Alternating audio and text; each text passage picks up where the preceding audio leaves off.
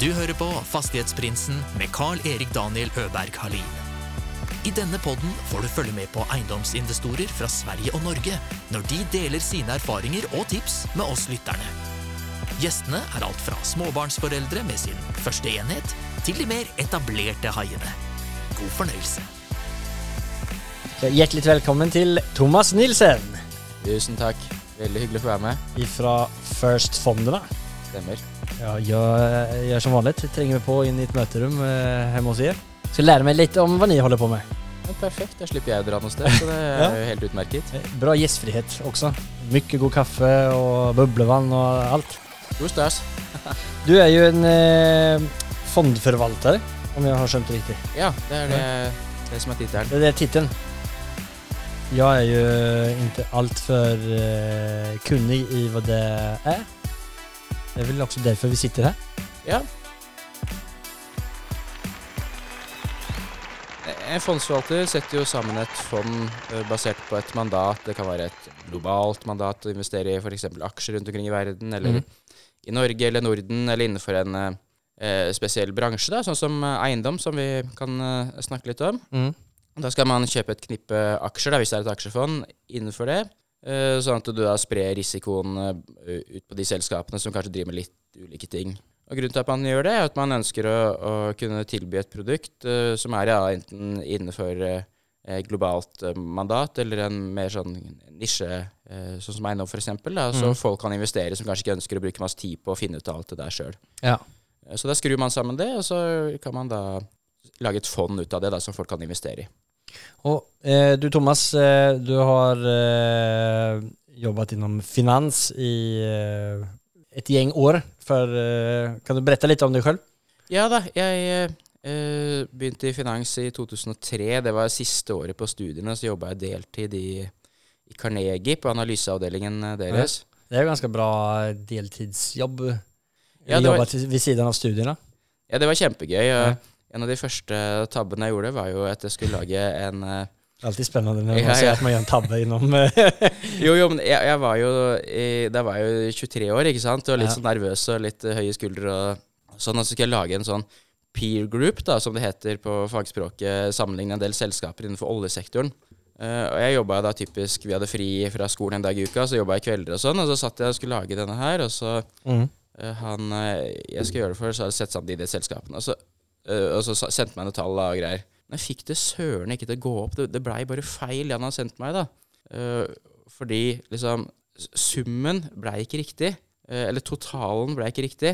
Altså, hva, eh, Nå skjønte jeg ikke riktig hva det var han eh, Eller hva var det du skulle sette sammen? jeg skulle sette sammen et knippe selskaper, ja, eh, og så skulle liksom summen bli riktig da, på de. ja, Men problemet var at det er et, et selskap som heter Total.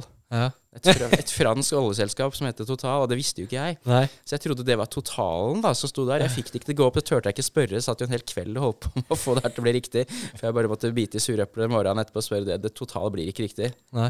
Jo, så det, det er selskapet helt riktig, og da skjønte jeg til slutt da, at det var jo et selskap. Ja. Ikke. Ja. Men uansett, er en bihistorie. Da. Så derfra så jobber jeg i, i fondsfinans i to år som analytiker på IT Telekom. Mm.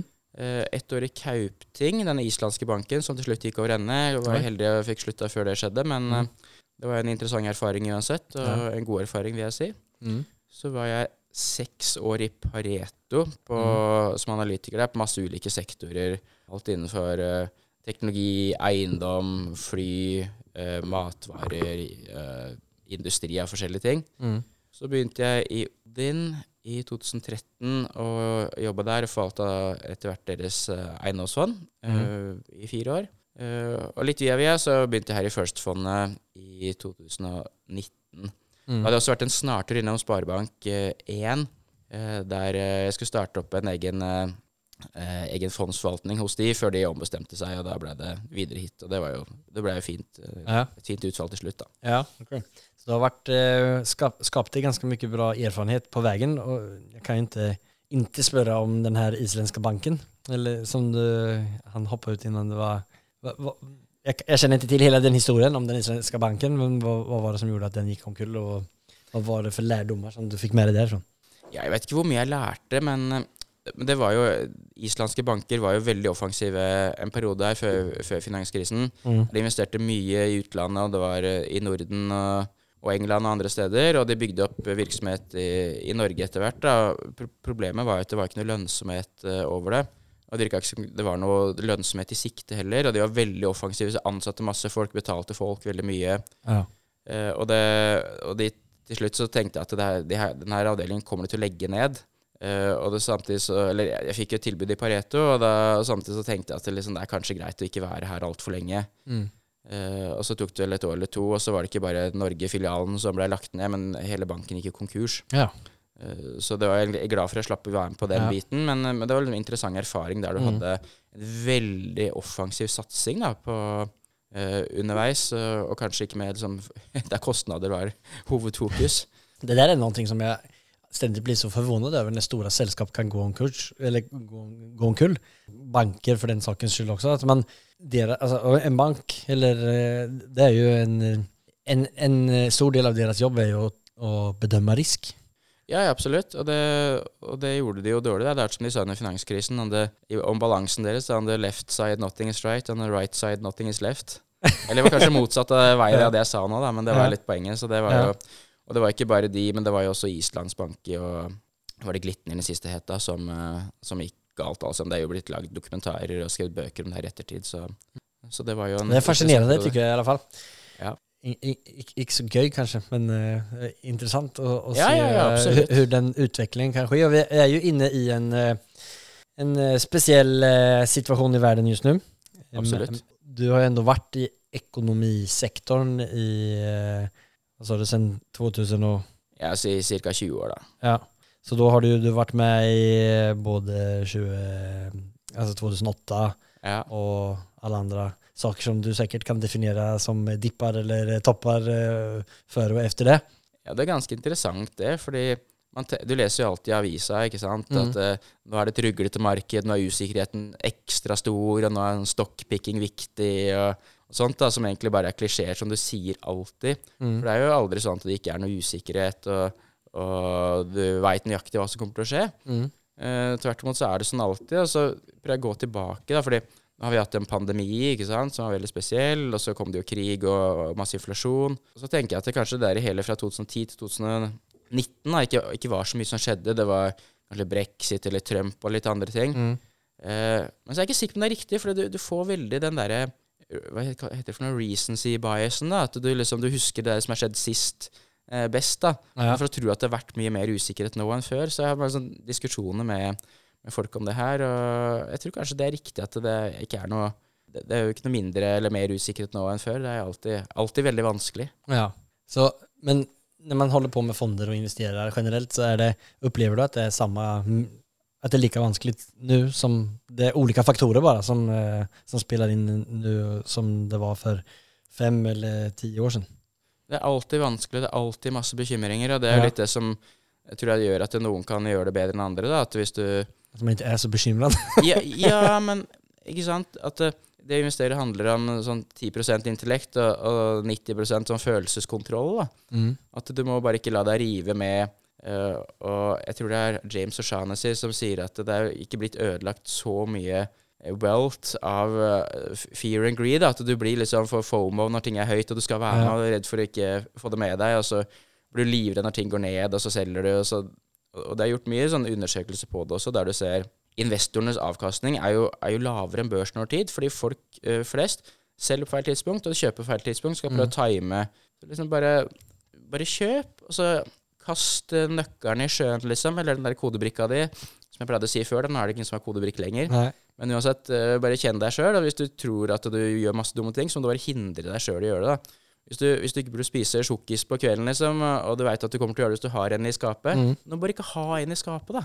Nei. Så jeg tror det er litt sånn der, og derfor så har jeg også lagd en modell på det fondet som heter First Veritas, som jeg valgte. Det er liksom den Er det den eh, nye fonden som du har etablert?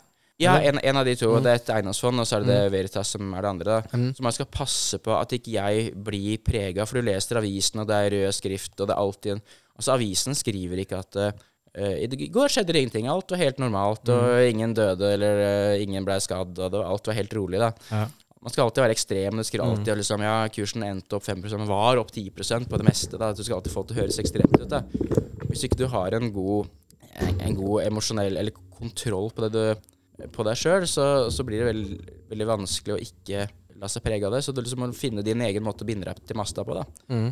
Min er kanskje mer kompleks enn andres, men uh, Hva har du gjort, da? Har du tvungen å ja, Du har gitt ut ditt passord til uh, til ja, ja, ja. transaksjonene til seks ulike personer, så du må hente inn sifrene derifra og derfra. Jeg har lagd en modell som jeg bare følger 100 ja. uh, Og den er, etter min egen mening i hvert fall, rasjonelt satt sammen. Og den følger alltid helt, og den er liksom basert på, på tidligere feil jeg har gjort, f.eks. hva som er rasjonelt som skaper uh, verdier over tid. Og så at det ikke bare herregud, nå, nå, nå, kommer, nå kommer det til å eksplodere i Israel og Palestina, liksom. Og da, det som kommer til å skje da, at, det, at de angriper der, og det er masse oljereserver, da kommer det til å skje. Og så blir det sånn du danner deg masse sånne ting som du egentlig ikke har peiling på. Mm. Og så går det sjelden kommer det sjelden noe godt ut av det. Mm. Altså du, det du mener er at du kobler ikke på känslorna der? Nei. Nei. Så jeg, jeg, følger den modellen da, som jeg som sagt mener er rasjonelt satt sammen, og så mm. skal den forhindre meg å gjøre masse feil. Mm. Som har gjort før, ikke sant? fordi mm. jeg har syns ting og jeg har tenkt at den har mm. gått for mye opp eller den har gått for mye ned. Mm. Og jeg kjøpte et dårlig selskap bare for å falle til kurs, liksom, og sånne dumme ting. da. Mm. Så den, eh, den, skal forhindre meg å, å, å gjøre det. Ja, men det er interessant. Eh, det, det som er eh, så Nå sitter vi her, og jeg har et gjeng eh, eiendomsnerder som sitter og lysner her. Kult. Och jag själv är ju, det finns ju liksom olika vägar att gå till eh, mål eller vad nu mål är. Om målet är att ha eh, stört mycket eiendom, ja. eh, en stor portfölj eiendom. Ja, ja. Så vissa, beroende på vart man eh, kommer från, vilken kunskap och erfarenhet man har, så noen er kanskje mer handy og börjar med den her flippa en leilighet og flippa to og flippa fire og flippa åtte og ja, gör den veien. Mm. Men vissa andre kommer kanskje fra finans och ja. då sitter man och kan eh, paketera saker och, och kanske jobba samman med, med den som var lite mer händig då. Och sälja in det här till en investor och hitta pengar och, och så vidare. Ja. Göra den dansen. Ja. Eh, och så har vi då, alltså, och, och etablera en fond liksom. Eh, det är ju ett sätt att hämta in pengar på för att kunna investera i en viss inriktning. Eh, hva är det som är fördelaktigt med att, eller att använda en fond? Alltså nu snackar vi utifrån fondens perspektiv då. Eller ja. den som etablerar fonden. Om man ser det som att alternativen är att jag ska eh, ta mitt eiendomsselskap till börs, ja. Eh, etablera fond eller eh, hente inn flere investorer. Ja, det er et veldig bredt spørsmål, og jeg har jo selvfølgelig brukt masse tid på det. Når jeg begynte i Pareto i 2007, ja. så, så, var det den dagen uh, Norwegian Property pika på børs på 90 kroner. Det var den dagen jeg signa Pareto for å begynne å jobbe med eiendom. Da. Så min timing er ikke alltid så god. Det var en veldig bra erfaring uh, å jobbe som analytiker gjennom den perioden. Da. Dette var som sagt i 2007, og gjennom finanskrise. Finanskrise, hele ordet det ligger at det var finans som var i krise. Finans, finansiering er viktig for eiendomsselskaper. Mm. Og Det er også en del borti eh, Project Finance hos Pareto, da, eller det å syndikere eiendom f.eks. På, på ulike måter, til å jobbe med Odin sitt eiendomsfond eh, noen år etterpå. Mm. Og Derfor er den veldig lite jordnært. Jeg har hatt overskriften på den prestasjonen her, er eiendom på sitt beste. Fordi når vi starta det fondet her, sånn, så kunne du liksom sette det sammen på akkurat den måten du ville, og du visste ting som var dårlig, du visste ting som var bra. Så fokuserte du selvfølgelig på ting som var, eh, var bra. Mm. Og dette fondet er jo da for folk som vil investere passivt i eiendom. Altså den fonden som du har etablert nå? Ja. I First-fondene, og den ja. heter First Nordic Real Estate. First Nordic Real Estate, ja. ja. Og, den er til for dem som vil investere passivt ja. i eiendom. Og det, fordi Noen, og sikkert mange du snakker med, er jo veldig driver med utvikling og er veldig mm. flink til å flytte vegger, kunne utvide, eh, til å kunne fornuftig pusse opp, til å kunne kjøpe, flippe, kjøpe, pusse opp, flippe, leie ut eh, og, og, og, få skape verdi på den måten. Mm. Eh, mens dette her er jo for, eh, for, folk som da ikke er interessert i det, mm. Eh, og ikke er interessert i at noen skal ringe dem på kvelden og si at sluket er tett, eller leia ikke komme inn, eller jeg har leid ut sjøl. Det var noe som het vepsebol i boden der jeg leide ut. da. Ja. Og liksom ringe sånne der skadedyrfolk til å få fjerna det, og det var noe tyvkobling av komfyren. Sånn at det, det er for de som vil ha en hasselfri måte å investere i eiendom på. Mm. Men så, for å skape verdi i så må du gjøre alle tinga som, som, de du snakker med, mm. eh, gjør. ikke sant? Og mm. du må ha, møte folk som er, er, helt sånn on på det de gjør. Jeg, jeg møtte Petter Nestlein her sånn for noen år siden. Uh, og han kommer da et kvarter for seint til møtet vårt og stressa og sånn. Fordi han måtte male noen, noen, sånne, parker, noen sånne striper i parkeringshuset som var feil. da. For de som ikke vet hvem Petter er, så er det Ja, Petter Nestlein eh, har jo Pecunia eh, eiendom, så de eier jo mye eiendom her i, her i Oslo og rundt Vika-området spesielt. da. Mm. Men ikke skikkelig hands on og og ordentlig uh, vet åssen du skal drive eiendom. Og det har jo ikke jeg filla peiling på. Nei. Jeg er jo en sånn regnearksinvestor. Uh, jeg kan jo så vidt skrive en uh, leiekontrakt. Mm. Så for meg er det viktig å skjønne hva som driver eh, avkastning innenfor eiendom. Mm. Og finne folk eh, og selskaper å investere i som gjør det på best mulig måte. Og Derfor er det veldig nyttig for meg å møte folk som kan mye, kan mye om eiendom, og kan mye om drift av eiendom også, for å forstå hvordan du skaper de største verdiene. Hva Vart är det i det her fondet da, som man etablerer, eller som ni etablerer, hvordan er dynamiken i det? Eh, Vart, alltså, är ni med og påvirker? disse selskapene som ni investerer i? Eller, eh, hem, kan du berette litt om ni har Ja, ja. Fra at ni etablerer et fond? da? Ja, absolutt. Nei, vi, vi investerte i tolv nordiske eiendomsselskaper. Mm. Tilfeldigvis så er alle tolv i Sverige. Ja. Eh, det er litt fordi det er størst eh, utvalg av selskaper i Sverige. Mm. Eh, vi prøver ikke å påvirke selskapene egentlig i det hele tatt. Hvis vi er misfornøyd med selskapene, så tenker jeg at eh, da burde du tenkt deg bedre om før du kjøpte. da, at du kjøpte et, og Vi skal ikke være aktivister og prøve å eh, endre selskapene. på en måte. Vi skal kjøpe selskaper som gjør det godt over tid, som skaper masse verdier over tid. Og så skal vi eie de for alltid. Mm. Det er egentlig hovedbudskapet. Og ser du på hvordan eh, verdiskaping innenfor eiendom har vært over siden 2006, da, siden det var egentlig da jeg begynte å jobbe med det, og har målt det siden, Mm. eh, så kan du Eiendom er veldig enkelt. eh, Hvis du skal eie eiendom og skape verdier, så er det veldig enkelt. Du har antall kvadratmeter, så har du gange liksom, eh, belegget ditt, hvor mange klarer du å leie ut. Så Mm. ganger du med leiepris per kvadratmeter, trekker du ut kostnader, og så trekker du ut renter. Og så har du resultatet. Og det skal vokse mest mulig over tid. Ja. Da har du liksom noen aspekter du kan vokse det på. Da. Og den viktigste verdidriveren over tid, det er antall kvadratmeter. At du klarer å få eh, flere og flere flere kvadratmeter over tid. Og i fondet som vi driver, så er det nå eh, ca. 24 millioner kvadratmeter som vi har eksponering mot. Mm. Og det gir jo en fin diversifisering, for det er uh, en del kontor, det er masse lager, det er litt handel, det er bolig, det er en sykehus og gamlehjem og barnehaver. Og i- Før så hadde vi faktisk til og med fengsler, men det har vi ikke lenger, for det ble kjøpt opp det selskapet vi hadde som heter Hemfosa. Mm. Uh, Så da har du en bred diversifisering på, på tvers av ulike segmenter og på tvers av ulike geografier. Og selv om alle selskapene våre er i Sverige, så er ikke alle eiendommer som står i Sverige. Det er masse i Finland f.eks., og en del i Danmark og også resten av Europa. Mm. Eh, Men du må få de, der, den, de driverne til å virke i din retning. Da. Og da, for å klare å få flest mulig kvadratmeter på en lønnsom måte over tid, så er du nødt til å kunne drive prosjektgjennomføring, f.eks. Gjøre due diligence på kjøp av eiendom. Du kan gjøre finansiering på en eh, attraktiv måte, enten du snakker med, bank, eller med bankene eller obligasjonsmarkedet eller mot, eh, mot aksjemarkedet og henter egenkapital for den saks skyld. Eh, og så må du ha en organisasjon som også møter leietakerne dine. Altså du gjør ikke noe eksternt facility management, du gjør ikke noe ekstern utleie. Hvis det er noe gærent, da vi var her sånn i bygget vi sitter nå, så hadde vi noe problem med noen markiser eller noe sånt like etter jeg begynte her. Uh, og da skal det komme en fyr fra selskapet som eier bygget. Han skal høre liksom åssen står det til. uh, er det noe annet som er gærent her? Hvordan går det med dere? Tror dere at dere trenger mer plass? Tror dere trenger mindre plass? Det er vel ingen som ikke vil møte leietakerne sine. Mm. Eh, og en del av disse tingene som jeg har nevnt nå, krever jo at du har en intern organisasjon som er flink på dette her sånn. Hvis du har ett bygg, så kan du ikke ha én egen eh, heismontør uh, til det. Ikke sant? Så du skalerer litt. Jo større portefølje du har, så kan du skalere en del av kostnadene dine, blant annet, og det er fordelen med å ha intern organisasjon på ting. Det er, jeg sier ikke at det er om å gjøre størst mulig, for det, eiendom skalerer ikke på den måten, men du, kan, men du må ha en viss størrelse da, for at det skal bli lønnsomt, det, det du holder på med. Men det, da har ni bestemt seg for å en, etablere en eiendomsfond og så gjør ni DD på masse selskaper som ni syns er, ha, eh, er interessante og har de her eh, spesifikasjonene som du nevner her med intern organisasjon, eh, kunnskap på å eh, utvikle byggen og utvikle eh, leietakerne og ha en, en god relasjon og alle andre greier som gjør at ni finner dem attraktive. Ja, ja Eh, og så finner de tolv stykken, stopper inn pengene der, og så sånn funker det. da, da drar ni til Spanien. Hva Ja, hender det, da? det, men det, men det er et releva- relevant spørsmål eller kommentar, det. Fordi uh, vi skal jo eie de her sånn for alt, egentlig. Men så er det jo ting som skjer noen ganger også. Sånn, for uh, si ti år siden så var jo ikke, ikke kjøpesenter under så sterkt press som det kanskje har vært seinere. Eh, Lager var kanskje mindre populært. Det har blitt mer populært nå, da, fordi vi, vi gidder ikke dra så mye på kjøpesenter lenger, men vi skal fortsatt ha like mye stæsj. Mm.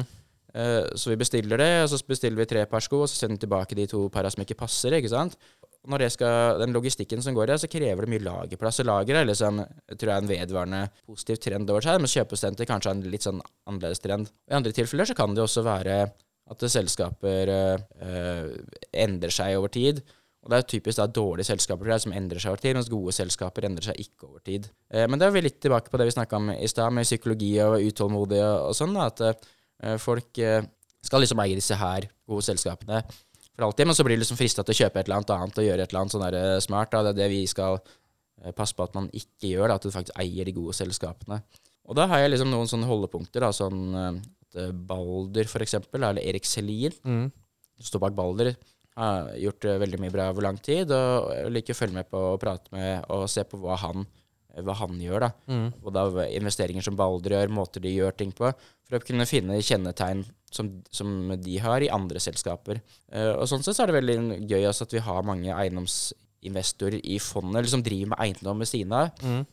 Litt av fordelen også med å investere i et fond som det her, sånn, er at det er likvid. Hvis du vil ha Altså om at fonden er likvid. ja, at du vil ha, vil ha pengene dine tilbake, Mm. så kan du selge fondsandelene, så har du penger tilbake på konto om to dager. Okay. Hvis du eier et bygg sjøl, Mm. så får du ikke penger om to dager. Nei. Kan du sette i gang en prosess, og det kan være dyrt, og det kan lang tid, og du veit ikke, og alt det der. Mm. Uh, Så det er mange mange fordeler med å investere i, i eiendom på børs. da. Ja, på børs. Og hvis du ikke skal investere i et fond, men i direkte selskaper, så har du selskaper som driver med hoteller, du har selskaper som driver med kontor, du har selskaper som driver med kontor i sentrum, eller utenfor sentrum.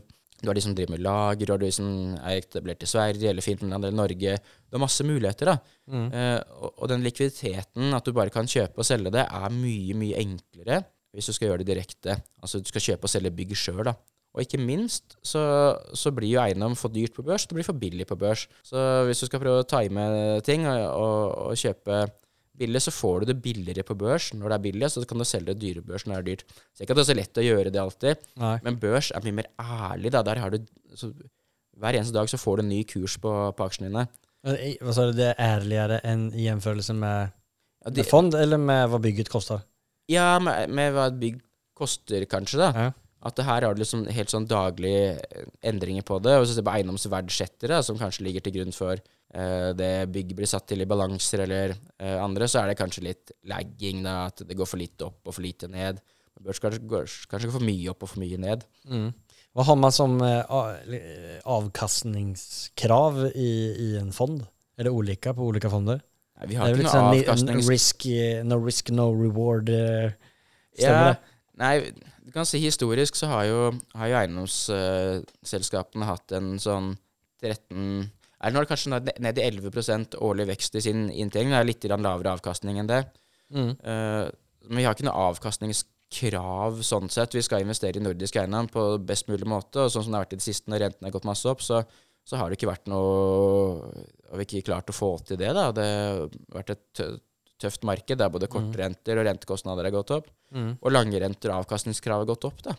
Fra vi starta fondet til nå, når jeg så på det forrige dagen, så har vi hatt men for fire og et halvt år siden så har vi hatt noe sånn som 8% samla avkastning over, over, eh, over fire år. Mm. Det er ikke noe å skrive hjemme om, altså. Nei. Så det er vi jo selvfølgelig ekstremt misfornøyd med. Og så kan det godt skylde på masse eksterne ting, men fakta er at vi må bare eh, gjøre det Er det eiendomsfondet, eller er det en annen fond? Eiendomsfondet, ja. Mm. Eh, Så det er jo uh, vært tøft for eiendom i det siste. og Det, så, så, sånn har det vært. Mm.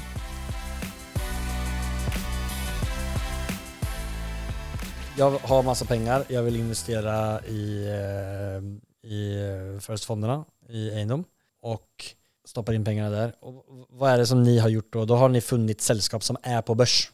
Eller Ja. investerar ni i sällskap som är utanför börsen? Kun på børs. Kun på börs? Ja.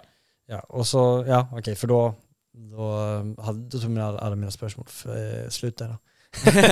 Nej men, för då, men- men- men då, då Da, Eh, da, Og de selskapene er på børs for å, å anvende de pengene for å ja, da får vi penger inn i fondet. Mm. Hvis du skulle inv- investert i det, så vil vi allokere det på den porteføljen vi har, da, som Mm. da består av de av de tolv selskapene. Og så kan Noen ganger kan det godt hende at kursene på noen selskaper går opp, og andre går ned. Så vil du re kunne rebalansere det innimellom, sånn at det blir eh, på de vektene som vi, som vi ønsker igjen. Mm. Eh, Så vi har jo Jeg husker du hadde Knut Rost i, i Diøs på podkast for en stund tilbake. Og Diøs er et av de selskapene vi har i fondet, som Mm. er jo veldig flinke i Nord-Sverige. ikke sant? Mm, mm. Høye gilder og Ja. kanskje et marked som er interessant, der det blir bygd mye ny eh, teknologi på både batterier og det er universitet og, og byer i vekst. da. Mm. Så det er liksom én eksponering vi har, og så har vi mange andre også uh, som er på, på andre vis. da. Mm. Men, men Knut er jo en, en, en bra type, ikke sant? som Mm. har skapt bra med verdier over tid, og som Mm. finner liksom nisje der oppe i, Ja. i nord. da. Veldig spennende selskap å klare av å bli så, så, såpass stor i eh, en sånn en høggildsmarknad. Ja, Men det er kanskje ikke så mye konkurranse der, ikke sant? så det er klart å få Nei. gode markedsposisjoner i, i store byer, og det er jo veldig viktig for, eh, for å kunne skape verdier på det. Som du skal ha som et stort selskap. Hvis du eier mye eiendom i en by, så kan du være litt mer prissetter sjøl. Mm. Hvis du er en bitte liten aktør med ett bygg, så, så er det liksom prisgitt hvordan alle andre gjør det. Dine penger da, som du har, har privat, investerer du det i fond eller investerer du det i ulike andre greier? Hva, hva, har man, hva er en bra avkastning, altså en forventning på en avkastning på et år? Jeg putter alle mine penger i, i som jeg har ved siden av sånn hytte og sånne ting. da. Ja. Så putter, vi, putter jeg fondene mine. Mm. Og det meste putter jeg det som heter First Veritas. Putter også noe i, i eiendomsfond. Jeg putta noe i eiendomsfond nå i det siste. Mm. Og så, så, er det, så er det liksom You have to like your own cooking, liksom. da. Ja. Som det var det beg- beg- begrepet jeg lærte her, sånn, som jeg syns var litt morsomt. Mm. Og det, så, så, så man er på en måte Man lever jo med der sånn fra, fra dag til dag, og selv om man er langsiktig, så, så er det viktig at vi tar vare på det og passer på at ting blir så bra som mulig til, en, til enhver tid. Mm. leste läste någonstans, jeg vet ikke om det var spøk, men at du hadde solgt ditt hus for å investere i eiendomsfond. Nei, det, det er sant, det. Og så er det jo noe mer til historien. At Ja. vi, jeg fikk en datter for sju måneder siden, vi trengte flere soverom og sånn. ja. Og så fant vi et sted som var liksom helt perfekt uh, i et område vi ville være. Mm. Det var til leie, så da ble det til leide. Eh, Så da putta jeg en del av de pengene jeg fikk fra salget, der jeg putta i eiendomsfondet. Ja. Så det var Det, det hørtes jo kanskje Det kommer jo i avisen og greier, det der. Ja. Men det, det hørtes jo Så det hørtes jo bra reklam. Ja, ja, ja. Men, men jeg hadde jo ikke gjort hvis jeg ikke trodde eiendomsfondet blei bra. Da Da hadde jeg putta det et annet sted. Så, så det er jo Det henger jo sammen på den måten. Det var ikke det at jeg tror Nå tror jeg boligmarkedet skal knekke fullstendig sammen, derfor så gjør jeg det. Nei. Selv om jeg må si at det er jo god økonomi i å leie relativt til å eie akkurat nå. Mm. Jeg har fått et, et sted jeg mener er bedre, og jeg har lavere kostnader enn før. Så Mm. so far so Eller jeg liker jo det, da. Mm. Men det var ikke sånn at jeg hadde et syn på boligmarkedet Nei. og skulle, skulle kollapse. Det var ikke det som var hovedgrunnen. Ni som sitter i liksom fondsfæren og forvalter ganske stor, store eiendeler, uh, Hur, eh, hur, analy, eh, hur fungerar analyserna i- och fram i perspektiv og horisonter och vilka, vilka faktorer man spelar in? Är det liksom så här eh, 16 skärmar och eh, Da Vinci Code, eh, brains överallt? Det er Da Vinci-koder, og det er Brains, og det er eh, 64 skjermer, og det er kjempehemmelig alt sammen. Ja. Så det kan jeg ikke snakke om. Ja, altså, det, selvfølgelig så, så har jeg vi våre måter å jobbe på, våre modeller vi måler selskapene på, uh, videre Jeg møter jo innimellom selskapene Ikke at jeg har- sånn fryktelig stort behov for å gjøre det til hver tid, men Mm. det er interessant å se de selskapene som lykkes over tid. Da. Hva er det som kjennetegner de? Og de som kanskje ikke lykkes over tid, hva er det som kjennetegner de? da? Eh, Så det er viktig for oss å, å investere i selskap som skal være solide. Og når vi får den typen sykluser som vi gjør nå, der rentene går masse opp, og folk får dårligere råd, og etterspørsel etter alt mulig blir lavere, så er det egentlig bra på sikt. Fordi de selskapene som er solide, eh, de vil jo stå styrka gjennom. Mm. Det blir ikke starta masse nye eiendomsselskaper nå, for folk får ingen får lån av banken, eller Nei. få får lån av nye selskaper av banken, og noen går konkurs og klarer ikke uh, å, å bygge. Og så igangsettingen av boliger i Sverige var jo ned over 70% i andre kvartal, relativt til uh, året før. Så det er liksom egentlig langsiktig bra med den typen sykluser. Og selv om det går ut, utover avkastninga på kort sikt, så, så tror jeg det er en bra ting eh, på sikt. Da. Og da må vi gjøre analyser ikke sant, av gjeldssituasjon og rentebindinger og altså, når går låna ut, og hvordan rente skal vi forvente etter det. og eh, Hvis de får i det hele tatt, da må de hente penger i obligasjonsmarkedet. eh, alt sånt. Så det ligger jo mye av den typen analysegrunn. Men jeg, jeg tror ikke jeg klarer å spå noe bedre enn andre på det. da. Så det gjelder å være den der rasjonelle, faktabaserte tilnærmingen på det. Litt som på det andre fondet med den modellen som jeg nevnte, nevnte i stad. Ja, jeg har en eh, kompis som, er, eh, som jobber inom eh, som wealth management og har jobba med superlange perspektiver og er litt mer talnörd enn meg. Og om jeg er optimist så er han motsatt. Ja. Han ser ofte det handler handlar ju om att, liksom, se alle risker og alle faromoment. Ja, ja. Og for två år siden så hadde vi en, dis en diskusjon da de hadde haft någon sån eh, eh, analysträff, alla analysnördar och nej jag vet inte. Men, eh, och så, så då, då diskuterar de då att eh, de stora svenska egendomssällskapen, det var liksom innan det Balder och SBB sänkte sig eh, kraftigt. Ja. Eh, men att eh, liksom deras, eh, att deras eh, rating, att de var osäkra på om de, eller hur den skulle påverkas i situationerna som kommer och det har ju blivit visat sig vara, bli drastiskt för eh, i vart fall eh, SBB. Absolutt. Hur, hur eh, du, tog, du tog ju upp eh, eh, Balder som exempel. Ja. Eh, De har ju varit en del belånade också, som alla andra egendomssällskaper. Vad är det som har gjort att, de har varit, att du upplever att de är ett starkt sällskap og klarat sig? Balder har hatt en utmerket historikk tilbake fra Jeg husker ikke om Erik Selin starta det i 2003 eller 2004 eller noe sånt, og tok det på børs eh, ikke så veldig lenge etter det. Og det klarte å, å bygge en portefølje på tror det er 5,5 millioner kvadratmeter, da, både i Sverige og Finland, og uh, noe i Danmark og også litt utafor Europa. Eh, og tatt vare på seg sjøl opp igjennom. Og så føler jeg at de har fått én skrape i lakken og de kjøpte en posisjon i Entra på et veldig, veldig sett i ettertid ugunstig tidspunkt. da. Men hadde jeg ikke trodd at de kom til å klare seg gjennom det her sånn, så, så hadde vi ikke eh, eh, eid aksjer der. Eh, men når det er sagt, så tror jeg ikke de har masse ekstrakapital til å kunne vokse gjennom det her sånn. De tror jeg vil stå igjennom, og de vil stå styrka gjennom. Men de har ikke den, eh, den styrken som f.eks. Sagax har, eh, som har eh, Gjorde veldig veldig mye lange rentebindinger på utrolig gunstige tidspunkter, og betaler 1,8% rente den dag i dag. Eh, og eh, de er jo prisa på eh, en premium til andre, så de gjorde en emisjon for ikke så lenge siden, og de kjøpte jo eiendom av Mekonomen i Finland til 10 bruttogild, og de klarer å vokse igjen, så de er jo en, sånn en særstilling. Men jeg vil jo absolutt si at Balder er på rett side av, eh, av snittet, da. Så jeg tror eh, og prisingen av aksjen er jo, er jo veldig lav, i hvert fall sånn jeg ser det. Så, så vi Balder er et av de to største posisjonene våre. Da. Eller Balder og Sagax er de to største. For å, om man skal forsøke å plukke ut noen særtrekk, da. Altså, om min ambisjon er å bli like stor som Balder.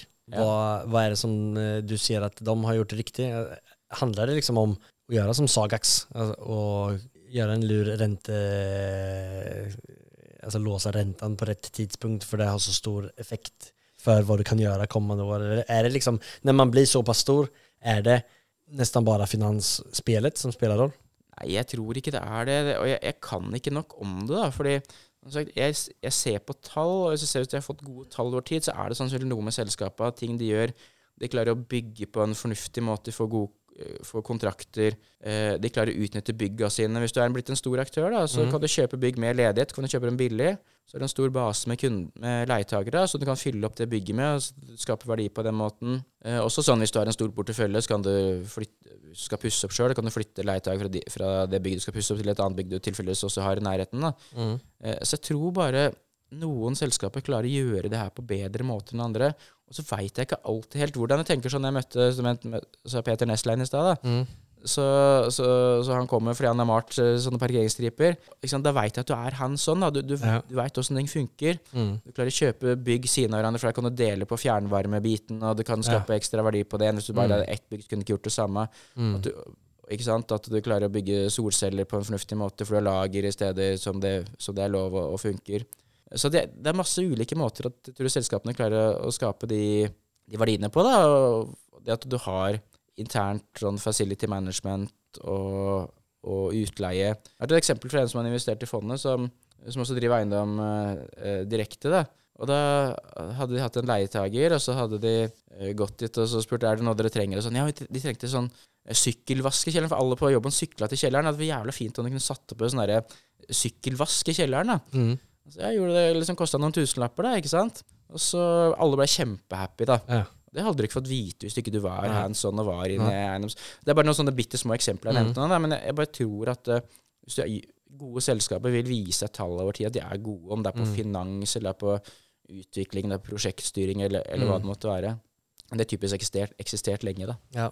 Når, når, du ser på tall, då, vad er det du ser på et selskap? Eh, nu du gjennom flere tall, da. men hva er det liksom som stikker ut mest for at du skal kunne si er det bare de omsetter bra og de vokser, og de är Du må ha god avkastning på kapitalen din. Ja. Det tror jeg er kjempeviktig å ha god avkastning på, på egenkapitalen. Men samtidig så må du også kunne, kunne vokse, da. For at eh, hvis du Ellers så blir du fort bare en sånn litt sånn kjedelig compounder. At du har de, de samme bygga, da, og så slenger du beina på bordet og staten som motpart, og så, og så blir det ikke noe ut av det. Du må liksom utvikle det. Ja. Du må liksom vokse basen din med antall kvadratmeter eh, og hele omsetningen, samtidig som du er en lønnsomhet i den veksten. Mm. Og vi ser på de to selskapene som har gjort det desidert best på børs, på børs eh, siden de siste 10-15 år, så er det Balder og Sagax. Mm. Ikke kjennetegn her de som eh, st- står ut for de andre. Det er høyere omsetningsvekst, og det er høyere avkastning på egenkapitalen sin. Mm. Det er typisk ikke så veldig opptatt av å skrive opp verdier til enhver tid og sånn. Det, eh, og hissigst mulig. Da. Så at vi, sånn Nav, som mange ser på, som en sånn slags fasit, at eh, Nav er 100 og kursen er 80, så da skal aksjekursen opp da, fordi den er billig. Det blir for enkelt, da. For det, det, hvordan Nav du får, det kan du påvirke revisoren litt å gjøre. Nav, Kan, hva er det for noe? eh, Net asset value, sorry. Ja, okay. Ja. Verdijustert, var verdijustert eh, egenkapital. Forsøkte å koble opp om det var NAV-NAV. Å ja, eh, nei, sorry, det, det er sånne begrep som Ja. man bruker. Men det bare- eh, men det er fint du spurte. Eller verdijustert egenkapital er kanskje det man bruker eh, Se en gang til hva det heter. Net, Nav. net asset value. net asset value. Ja, altså Det- var tilgangene eh, eh, efter lån. Ja, helt riktig. Ja. Eh, som er det verdsatt eh, i balansen din, da. Mm. De kan være for høyt verdsatt, det kan være for lavt verdsatt, Ja. altså uh, sånn uh, kompisvärdering med takstmannen og for eksempel. Ja. Så når du skal selge leilighet, så, så kan en taktikk være å bare få satt en kjempehøy mm. eh, takst, eller pri, prisantydning. Mm. Eh, og så kan du ikke akseptere å selge litt lavere, men folk er alltid veldig opptatt av å gjøre en god deal, ikke sant. Mm. Jeg kjøpte, jeg kjøpte underprisantydning. Ja. Ikke en mil billigere. Mm. Så, å, fy fader, du er flink, altså. Ja. Det er superbra. Mm. Og så han som solgte det, han har kanskje satt, satt verdiprisen opp eh, to millioner for mye. Ja. Ja. Kan ikke gjøre det for, for mye, da, for da Ja. men, men det er litt sånn derre Man kan ikke alltid stole på det som står i balansen på den måten. da. Okay. Så det at du har de to faktorene med avkastning på egenkapital og, og vekst, uh, er for meg en, eh, en veldig viktig to veldig viktige nøkkeltall. Mm. Samtidig som du kan, kan ikke ha masse gjeld, da, sånn at du kan gå i veggen hvis det kommer litt motgang, eller du, en leietaker går konkurs, eller, eller noe sånt. Mm. Så det er noen av de nøkkeltallene som vi prøver å, prøver å styre etter. Ja, ja, men det er väldigt spennende. Ehm, da har vi kommet videre til vårt neste segment som heter Affærsanalysen. Det er det segment der vi, eh, var en gjest til og med som om en gjennomført transaksjon. It has not been easy for me. And, you know, I, I started off in Brooklyn. My father gave me a small loan of a million dollars. Affärsanalysen. Och här blir det lite annorlunda, men eh, tror du att vi kan, eh, är det någonting som du känner att du kan dela med dem eh, som är någonstans i den gatan på någon transaktion eller? Ja, vi gjør jo egentlig masse transaksjoner eh, ofte, sånn når vi kjøper og, og selger aksjer, men eh, kanskje en av de som man kan trekke frem, er de gangene du klarer å kjøpe et selskap som er, eh, blir for lavt verdsatt på børsen, da, fordi børsen ikke er villig til å verdsette høyt nok, og så er det kanskje andre industrielle aktører som er villige til å sette rett verdi på det. Vi hadde et eksempel nå i høst med Self Storage Group, som Ja. er et norsk børsnært selskap mm. som driver med minilager. Mm, Jævlig spennende. Ja, det, det, minilager er en sånn fin ting som eh, Der du egentlig kjøper et ganske enkelt bygg, og så klarer du å leie ut noen få kvadrater, kvadratmeter til masse folk som trenger litt ekstra bodplass, og så er ikke det så veldig dyrt. Betaler kanskje 300-400-500 kroner i måneden eller noe sånt for det. Mm. Men det er jo kjempegod avkastning på kapitalen for de som eier det, for de kan jo stykke opp i masse masse små boder. Ja, ja. ikke sant? Og det er typisk bygg som står der ingen andre vil være, nær en motorvei f.eks., Ja. der du kan sette ut reklame og sånn. Vi syntes det var et veldig, veldig bra selskap, da, så vi kjøpte jo en posisjon der, og så syntes det var veldig lavt verdsatt.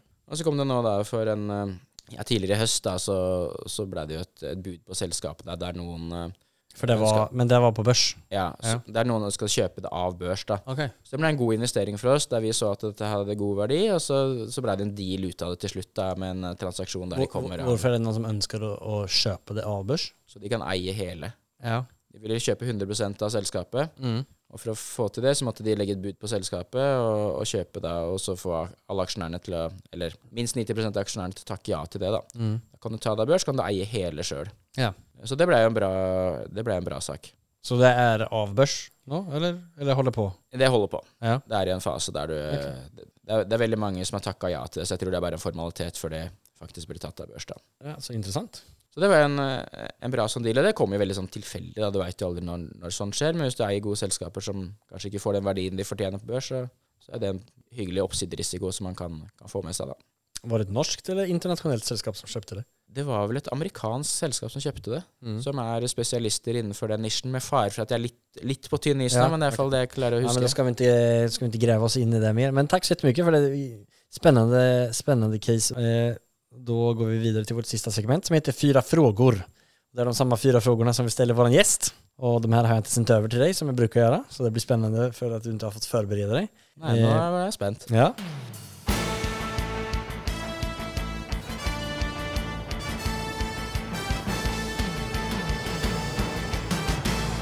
Cuatro preguntas. Då är det, vad är det som skiljer en framgångsrik entreprenör mot de som inte lyckas, slutar eller aldrig kommer igång? Alltså en entreprenör är ju gründer. Ja, det, Ja.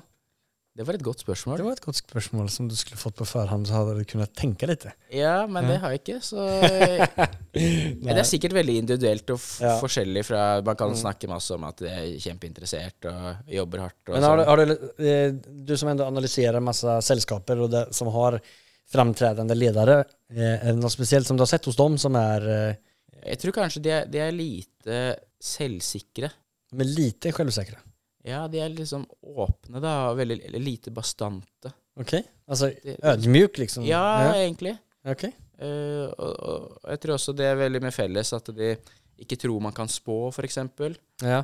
At man uh, som sagt ikke er så bastant. da. Mm. Nå snakker jo du om uh, ganske liksom börsnoterade ledere, så det er jo veldig spennende at du har den eh, eh, observationen. Eh, Jeg tror selvsikkerhet, da, som Mm. er ofte er omtalt som en sånn positiv egenskap, ikke alltid er det Eller jeg tror egentlig sjelden er det i aksjemarkedet, også blant eh, ledelsen i mm. selskaper. Selvfølgelig skal man eh, Er man overbevist om noe, og skal man ikke liksom vaie fra side til side, da, men, Nei, men det, er, det, er, det er veldig undervurdert å kunne ombestemme seg også. Mm. Altså, jeg har jo eh, intervjua Sharam Rahi i eh, Balder Ja. Och eh, Rosti Diøs Ja. eh, og en del andre børsnoterte ledere og gründere. Og nå når du sier det så kan jeg faktisk holde med om det. Altså, alle de er jo veldig ydmyke. och utan eh, det, er sånn, det her er den erfarenheten vi har og vi har hand, hand, på bakgrunn av den informasjonen vi har haft fram til nå. Og vi tror på det her, men vi, man vet jo ikke. Nei, men man skal liksom være rasjonell, og det, og det er jo liksom vanskelig å spå, er, eh, så, så jeg har veldig tro på det at man ikke er liksom sånn der stein 100% sikker på noe til enhver tid. Da. Jeg, tror jeg, du, jeg tror ikke det er noen god egenskap. Nei, det tror ikke jeg heller. Og du er jo også i, i den kategorien eh, jeg At du er ødmjuk, og du har, liksom, du har den här erfarenheten, og, men man vet aldri, Liksom, eh, det syns jeg er veldig fint. Du som kommer også å bli storleder når du blir stor. Det skal jeg aldri bli. inte? Som Charlie Munger sier, it's, it's more important than knowing uh, what you don't know than being brilliant. Ja, ja, Nei, leder, det kommer jeg aldri til å bli. Det er- er min absolutt siste ambisjon. ja. ja, jeg kan holde med. for å ta et sitat til deg på, på det temaet. Da, Ja. altså, den norske tegneseriefiguren Hårek, eller jeg tror det er norsk i hvert fall, uh, som er en viking. Ja. Og så er det noen som spør Hårek, hvorfor ble du eh, leder? Det var 10 eh, personlige ferdigheter og 90 uflaks. ja. ja. nei, det er ikke så, det er ikke så mycket smicker att vara ledare. Det holder jeg med om. Ja, men det noen andre å ta seg av, som og mange som er flinke til det, så det er Ja. det, altså. Men det er ikke for meg. Nei. Vi hopper videre til vårt neste spørsmål. Om alle eiendommer i hele verden var tilgjengelige for deg, om penger ikke var motivasjonen, hvilken hadde du kjøpt, og varför? Alle eiendommer i verden. Har du noen sånn drømmeeiendom? En fransk en, eh, chateau? Jeg er en enkel sjel, altså, så Ja. jeg kan dra til hytta mi nedi eh, på svenskegrensa, så, Ja. så er jeg egentlig så, så tror jeg allerede har den beste jeg kan ha. Ja. Det er fort at man kjøper på seg masse kostnader, og Mm. det var en familie jeg hørte om, om det var, det var Rothschild eller hva det var, som kjøpte så stor eiendom at de gikk til slutt Jaha. eh, fordi det, liksom, det var så mye maintenance, og, og Oi, det var ja. sånn 300 rom Jeg husker, er det mulig at jeg husker feil navn her, men at Mm. det bare alle pengene ble borte da, på vi kjøpte den eiendommen. Ja. Det er jo litt dumt å gjøre det. Jeg Men- litt enkelt, da, så det, Ja. det, det var et dårlig svar. Men det er fint da. Men eh, en, en eh, liksom minimalistisk fondforvalter. Litt eh, vad heter det, California, Hva heter det? Hva heter det? Åh, nå står jag still. Silicon Valley-aktig? Ja, jeg veit ikke. Det er, bare, det er viktigere å eie ting enn at ting eier deg, liksom. Så Fan, du er en, eh, en quote-maskin. må ha ro i sinnet. Ja. Det kan bli mange reels på din, dina quotes tror jag. ja. Fjärde, eller tredje spørsmålet. Om, eh, har du noe bra boktips for en som eh, kan være anvendbar for en som er interessert i eiendomsinvestering? Hvis jeg kan ta litt sånn investering generelt, hvis Ja. det er ok, da. Det er helt ok. På det temaet, så, og, så vil jeg si Daniel Kahneman sin bok 'Noise'. Ok, den har vi Eh. inte fått som tips tidligere. Og den er ikke noe spesielt sånn mot eiendom, men den har, er veldig fornuftig mot som måter å tenke på rundt det som har med investeringer å gjøre. Og, og det her med støy å gjøre, da. At uh, det er så mye støy i alle beslutninger man tar. Mm. Så det er veldig viktig å være, be, være bevisst på det. Ja. Skal trekke frem I og med at du nevnte det litt tidligere, at du har satt opp et sånt regler på eh, som du skal følge for å liksom ikke bli distrahert. ja. upplever du at det er det som skiljer en bra fondförvaltare mot eh, en annen? Ja, at man er tro på liksom sin strategi? Jeg tror det er et veldig bra, bra spørsmål du stiller der, og jeg tror det faktisk er mye av forskjellen. Da. Er veldig mange blir veldig prega i ulike retninger og snur seg Mm. rundt og 'herregud, nå må vi kjøpe ditt og datt og selge da, ditt Mm. og datt'. Og så, og så blir man ta for raske avgjørelser og blir for stressa, og nå skal det komme en korreksjon. Og, liksom, all historikk viser at det der er ikke noe Det, det der er det Det blir litt sånn hvis, hvis du har 1000 apekatter, så vil en av de klare å spå børsen riktig ti år på rad, eh, liksom, da, hver, Mm. hvert år. Eller er mulig matematikken min ikke henger helt sammen her, Mm. men uh, ta poenget, da. Men det, men det er ikke fordi den apekatten er så flink, det er bare fordi det er en del av statistikken. Ja. Jeg tror veldig på det at du ikke skal prøve å være så innmari smart, da. Prøve å være så innmari smart. Du skal være rasjonell, du skal holde deg til planen, men du har noe som holder deg til planen. Mm. Nei, men jeg, jeg, kjenner meg veldig mye igjen i den, eh, det tankesettet. For altså, du snakker jag eh, en gang i veckan med inspirerande folk som driver med sin nisjer, som er eksperter innom det, eller som driver med sin egne greier og eh, har fått til eh, fantastiske greier eh, innenfor det. Efter et samtal, Nå er det jo veldig lett å, å dras med og ville starte fond.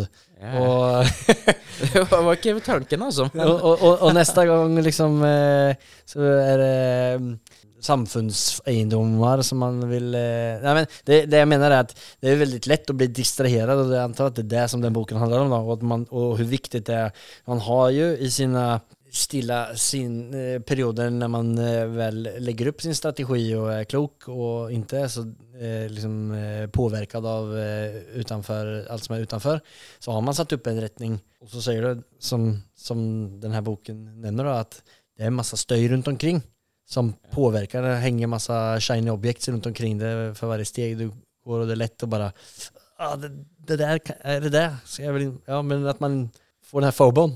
Ja, man må sånn, skille ut støy, da. Mm. Det blir sånn, altså, sånn eksempel i boka på hvis du, hvis du skriver en skolestil, da, så vil du få forskjellige karakterer ut fra hvilken lærer som er retteren. Hvis du er full av dårlig, så vil du få ulik diagnose ut fra hvilken eh, doktor du går til. Ja. Uh, og samme vin kan få ulik karakter ut fra hvem som er anmelderen. Mm. Uh, som er sånn der, kanskje litt iboende biaser. Og det vikt, kanskje det viktigste er at du kan få ulik straff for samme forbrytelse ut fra hvilken dommer du har. da. Fordi den ene dommeren han, han hater hvitsnippforbrytelser skikkelig mye, han andre hater voldsforbrytelser skikkelig mye. da, Så vil du liksom kunne få Mm. ulik straff, selv om du burde ha det samme. Mm. Så det er sånn der iboende, og det er sånn innenfor investeringer så er det jo noen som alltid er for seg. ikke sant. Han, Dr. Doom, for eksempel. Han har ikke fått navnet sitt, vel, så sikkert, alt Berish veldig ofte, da. Så det er sikkert ikke det riktig, så det- det er masse sånne både iboende støy i folk, men så er det også sånn derre eh, støy du kan la deg påvirke av, for eksempel. eh, Et eksempel også er at eh, hvis du skal bli dømt i en rettssak, så får du ofte strengere straff før lunsj enn etter lunsj. da. Hvis dommeren er sulten, så er han sur. Mm. han deg strengere straff. Og hvis jeg skal spørre om lønnspålegg, så vil jeg gjøre det en dag etter Liverpool har vunnet, ikke sant? For det er sjefen min glad, for han er Liverpool-fan. Ja. Så det, det er litt sånn derre Masse sånn støy, og så leser du avisen, og så blir du prega av det og alt det der. Så det, jeg syns det er en veldig nyttig bok, og du kan helt sikkert bruke den for mange ting Ja. eh, på eiendom. Spennende. Ja, men det ska, den skal jeg virkelig plukke upp. Fjärde och sista spørsmålet. Nämn det mest storartade, morsomme eller minnesvärda sättet som du har firat en gjennomført affär eller seger på.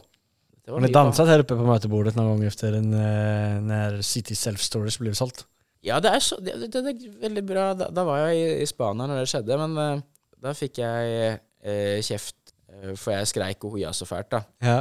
Og, det, og vekt, eller forstyrra barna og sånn, for det var jo sammen med familien, ikke Mhm. sant. Eh, Snyggt. Så, og det har jeg fått før også, da, at uh, det var jo også et annet bud på et selskap. da, Så Ja. yes! Jeg var glad for å kvitte den driten der, liksom. og så og så, og så blir jeg bare skikkelig entusiastisk. da, Så, Ja. liksom, så modellen må styre alt. da, Så jeg kan ikke liksom investere basert på sånne ting. Men, eh, men eh, det har ikke vært noe mer. Det var ikke sånn der at jeg kjøpte dyr champagne og sånn, og nå skal vi feire at det her gikk Nei. bra. da, Det er kanskje Har ni, noen har ni någon sån eh, eh, firingsrutin eh, eller när man etablerar ny fond eller när man får hämtat in pengar eller när man får någon ökning eller något liknande? Er det noen sånn kultur? Nei, vi har ikke hatt det, men vi pleier jo å stikke ut og fyre litt innimellom uansett, da. Mm. Så det er jo hyggelig. Men det ikke- det har ikke vært eh, noen sånn typisk anledning at nå har vi nådd akkurat et visst beløp og et eller annet. Nei. Det var en som sa til meg så veldig godt sånn derre Godt sagt, hvis du, hvis du har en skikkelig god flaske vin, da Ja. Er ikke jeg noen vinkjenner i det hele tatt, eh, men det var han, da. Vet du når- når du skal drikke den? Nei. På en tirsdag.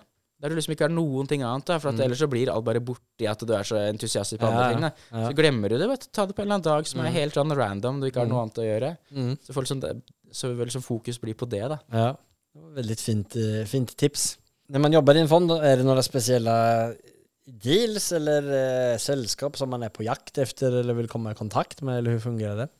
Ja, de, alle er børsnotert, da, bortsett fra Mm. de som kanskje er på vei til børs, og de får vi vite om. Så Mm. jeg kan jo bare se på børslisten. Jeg kan sortere ut fra hva jeg vil, om det er størrelse eller eh, Men er det er det ni som kontakter dem? Det er ingen som kommer til dere og sier 'investere i oss? Eh, Jo, det er et godt spørsmål. Det kan være begge deler. det, at eh, uh, Selskaper uh, vil jo ofte gjerne ha, ha investorer og fortelle hvor flinke de er og sånt. Mm. da. Og da kanskje de har lyst til å møte oss og andre investorer for å prøve å flotte seg for at vi skal investere hos de. ja.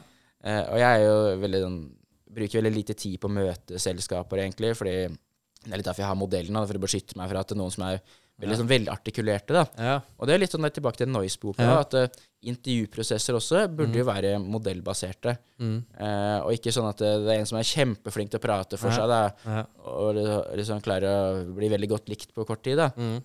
Men- som kanskje egentlig skjuler at du ikke har så gode kvalifikasjoner. Ja. Og så en annen som kanskje ikke er på samme måte, men sitter og ser ned på skoene sine en hel meter, kan være superflink, da, men ikke Mm. får det fram.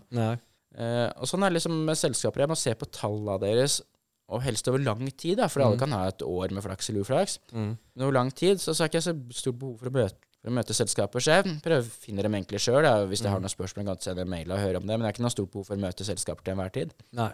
Om det er noen som vil eh, trenge seg på på en pitch eller eh, bare snakke fond og eiendom og alt mulig, hvor får man tag på, Hvor får man lettest kontakt med deg?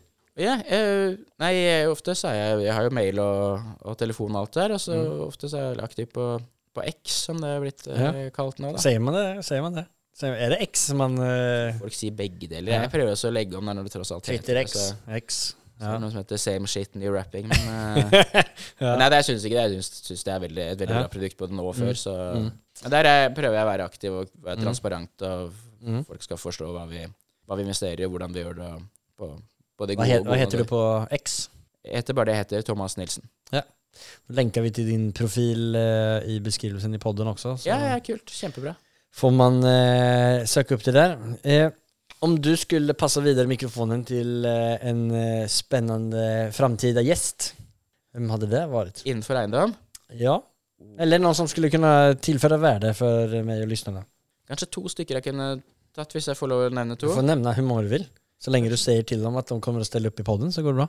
Ja, det veit jeg ikke, men eh, Andreas Martiniussen, Ja, Martinussen, som er uh, sjef i Norder, er en veldig uh, bra mann som, har, eh, som var sjef i Solon eiendom eh, tidligere. mm. Vi skal nevne tre, da. Så Ja. en Petter Nesland, som jeg allerede har nevnt, som er uh, starta Pecunia eiendom. Pecunia. Mm. Mm. Men til slutt, som kanskje uh, også er en veldig interessant type, det er Jan Erik Varbo. Varbo med W. Uh, som også har bygd seg opp en stor uh, portefølje innenfor eiendom. Og så også har på ski til Sydpolen og klatrer i fjell og er veldig en aktiv og interessant type. da. Hva heter hans sällskap?